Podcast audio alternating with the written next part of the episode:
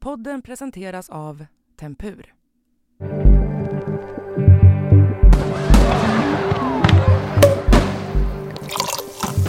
Januari, en månad då alla nyårslöften ska infrias. En del ska träna och de tränar i 14 dagar och sedan lägger de av. Ett av de vanligaste löftena är att börja träna. Och gymmen fylls nu på med entusiastiska nybörjare som är redo att svettas. Jag tycker det är väldigt kul att gå på grupppass. Och så tänkte jag att nu ska jag ta chansen och eh, börja göra det lite mer regelbundet. På en kvart reder vi ut de vanligaste träningsmyterna. Och nej, tyvärr. Det är inte farligt att träna bakis. Det är torsdag den 13 januari. Jag heter Alexandra Karlsson och det här är dagens story från Svenska Dagbladet.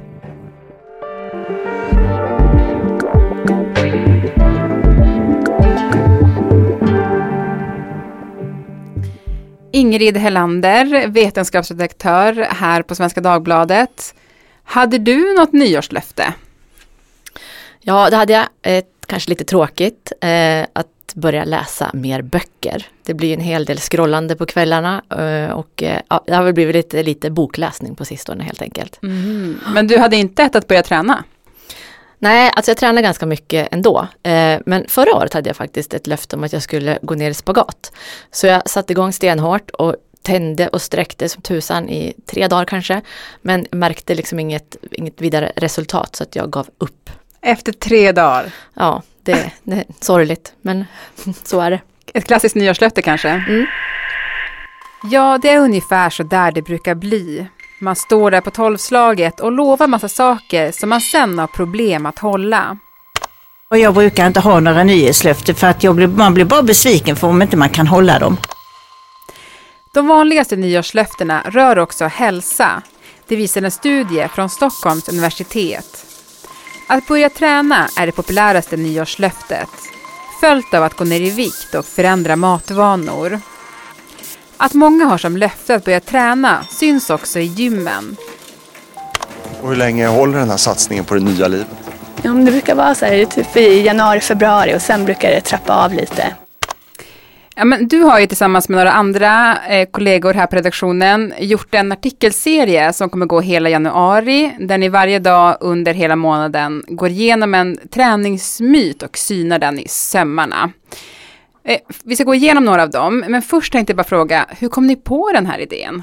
Ja, för, för några år sedan så gjorde redaktionen en adventskalender om hälsomyter. Det var 24 påståenden som var väldigt, väldigt läst och uppskattad. Eh, och träning och hälsa ligger ju väldigt nära varandra så det var ju som en naturlig fortsättning att gå vidare med träningsmyter. Och sen var det väldigt kul för att det, när vi började diskutera det här på redaktionen så visade det sig att alla hade ju massor med idéer och tankar och eh, förutfattade meningar om olika saker med träning. Så det, det var väldigt eh, roligt att eh, hitta de här myterna, det var inte så svårt heller och sen att försöka syna dem närmare. Mm. Men om vi börjar då med en myt som du själv trodde på innan du kollade upp hur det faktiskt låg till. Vilken var det? Ja men det där med stretchning. Det, jag har tränat ganska mycket i hela mitt liv och alltid blivit itutad att man ska stretcha, man måste stretcha efter träningen.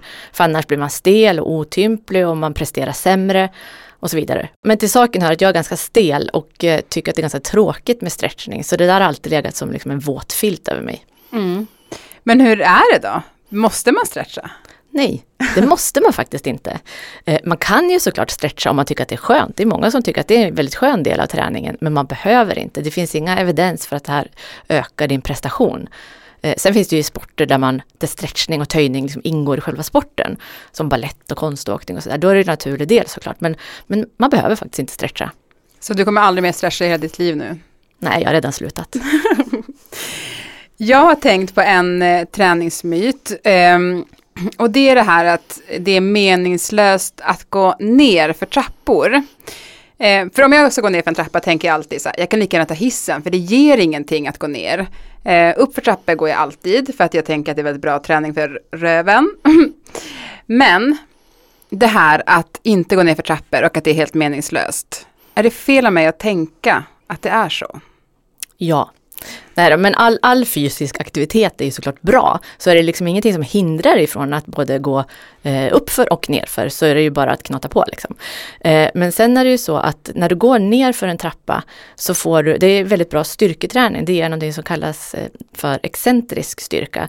För när du går ner för en trappa så bromsar du upp hela din kroppsvikt i varje trappsteg neråt. Om man tänker på vanlig styrketräning, då försöker man ju lyfta upp någonting.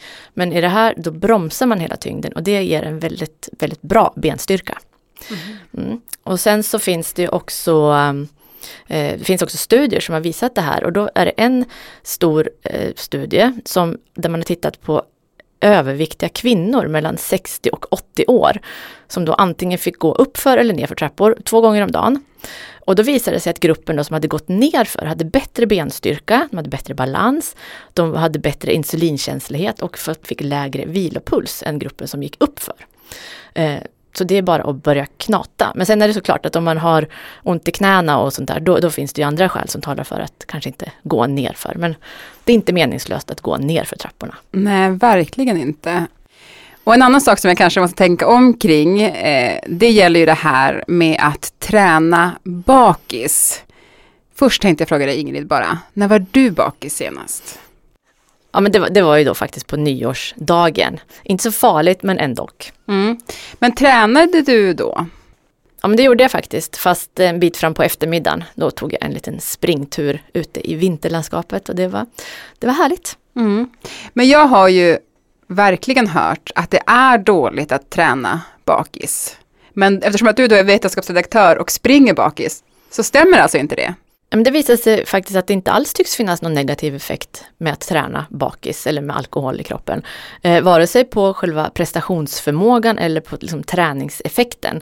Eh, och eh, ja, om det inte då handlar om precisionsidrotter som liksom spela tennis eller eh, innebandy eller kasta pil kanske. Det, det liksom påverkas ju då. Men om man sticker ut och springer eller åker längdskidor eller liksom gör någonting annat lite mer lågintensivt sådär så har det ingen, ingen negativ effekt. Heller inte på styrketräning vad det verkar. Um, så det, liksom, ja, det finns ju ingen riktig ursäkt då för att inte gå ut och träna eh, när man är bakis. Av den anledningen i alla fall. Eh, men det är ändå viktigt att komma, på, och komma ihåg att som med all träning så måste man ju vara frisk i grunden för att göra det här.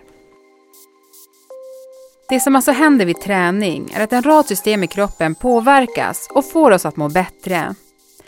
Fysisk aktivitet kan också skrivas ut på recept för att behandla ångest och depression. Det känns som att fler och fler läkare och som jag sa, de som skriver ut recepten blir mer medvetna om att det kanske inte alltid behöver vara medicin utan att det är faktiskt att röra på sig som är stora grejen. Men vad är det då som händer i hjärnan när vi tränar? Dels förbättrar det vår sömn och allmänna välbefinnande och det minskar stresshormonet kortisol. Det har också positiv påverkan på hjärnans molekylära system, alltså endorfiner, serotonin och dopamin bland annat. Den svenska forskningsstudien Regassa har undersökt hur mycket och hur intensiv träning som behövs för att man ska må bättre. Studien visade att lättare träning som yoga och promenader tre gånger i veckan hade lika god effekt mot mild och måttlig depression som hård konditionsträning. Det är välbelagt i flera metaanalyser och så vidare, alltså där man har tittat på många studier och liksom sett hur, hur forskningen ligger till. Att, eh, att eh, träning och fysisk aktivitet kan hjälpa mot, eller hjälper mot ångest och mild, eh, måttlig till mild depression. Eh, ungefär i samma nivå som KBT. En annan sak som jag tänker på just gällande träning och som jag tycker påverkar mig ganska mycket, det är eh, när jag tränar om jag har mens eller om jag inte har mens. Men påverkar mäns träning? Ja, alltså en stor del av forskningen på träning och träningsprestation har gjorts på män. Så, så, mm, man vet ju inte så mycket utifrån den forskningen. Och mindre, det är klart att det har gjorts forskning på mens och träning också, men det är inte alls lika stora och välgjorda studier. Eh, men en del metastudier finns det och i alla fall i en där man tittade på mens och styrketräning och liksom perioder i menscykeln och så vidare så kom man då fram till att eh, det fanns inga stöd i de studierna för att mensen skulle påverka vare sig träningsprestationer eller liksom din maxstyrka på något vis. Men eh, det är klart det behövs massor med mer forskning på det här eh, och sen så alla som någon gång har haft mens vet ju att man kanske inte alltid känner sig så himla på topp de dagarna och det kan ju såklart påverka liksom, känslan av sin prestation. Men, men om man verkligen skulle mäta så kanske man inte skulle se någon skillnad i prestationen och det är ju det man har försökt titta på i de här studierna och där man har kommit fram till det också. Mm. Nu har vi gått igenom några av träningsmyterna. Varför tror du att det finns så många myter kring just träning och hälsa? Ja, dels är det ju väldigt många som tränar och som har tränat och som kanske har gjort sina egna erfarenheter och hittat sina egna sanningar. Eh, som kanske inte då alltid är liksom vetenskapligt belagda men som man för vidare och så vidare. Eh, och sen så finns det ju också en otrolig marknad inom träningsområdet, både med prylar och med, med liksom annat material och det är kost och det är ditten och datten. Eh, och eh, som ju gärna säljer då med att det finns liksom vetenskaplig evidens och, och sådär. Eh, men när man granskar det där så är det ganska skrala bevis för att saker och ting verkligen är på ett visst sätt. Eh, så jag tror att det är liksom en kombination kanske där av, av egna eh, hittade liksom sanningar och, och eh, en marknad som faktiskt eh, styr ganska mycket. Mm. Ja, men till sist då Ingrid, eh, med tanke på det du säger och att det nu är januari, många vill komma igång med träning och tidningar och tv och allting fylls av artiklar och inslag om just hälsa. Och du i egenskap av vetenskapsredaktör, alltså som kan mycket om vetenskap, om du skulle ge några tips, vad tycker du man ska tänka på när man läser artiklar om hälsa, olika hälsoråd och träningstips? För det första tänker jag, och det här tänker jag alltid på, att är det någonting som låter för bra för att vara sant, så är det antagligen det.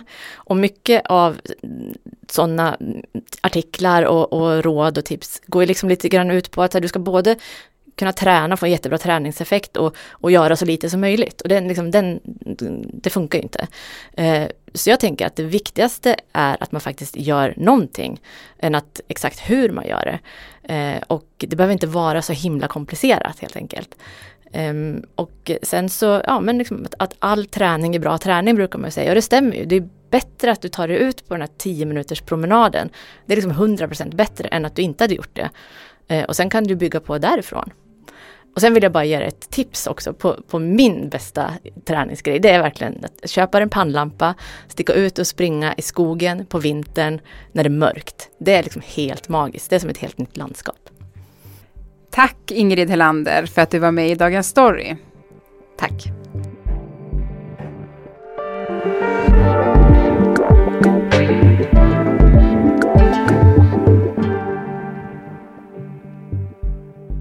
Har du vridit och vänt dig hela natten?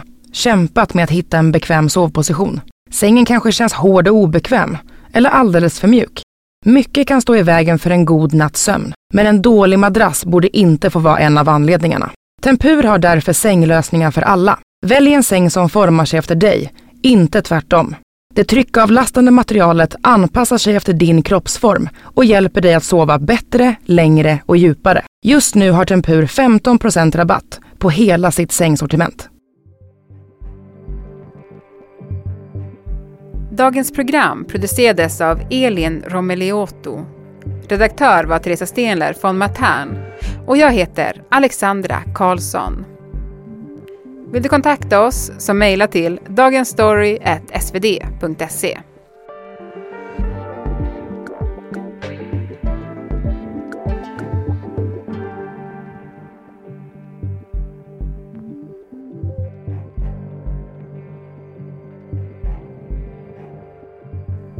Klippen som hördes i dagens program kom från Sveriges Radio, Aftonbladet och TV4.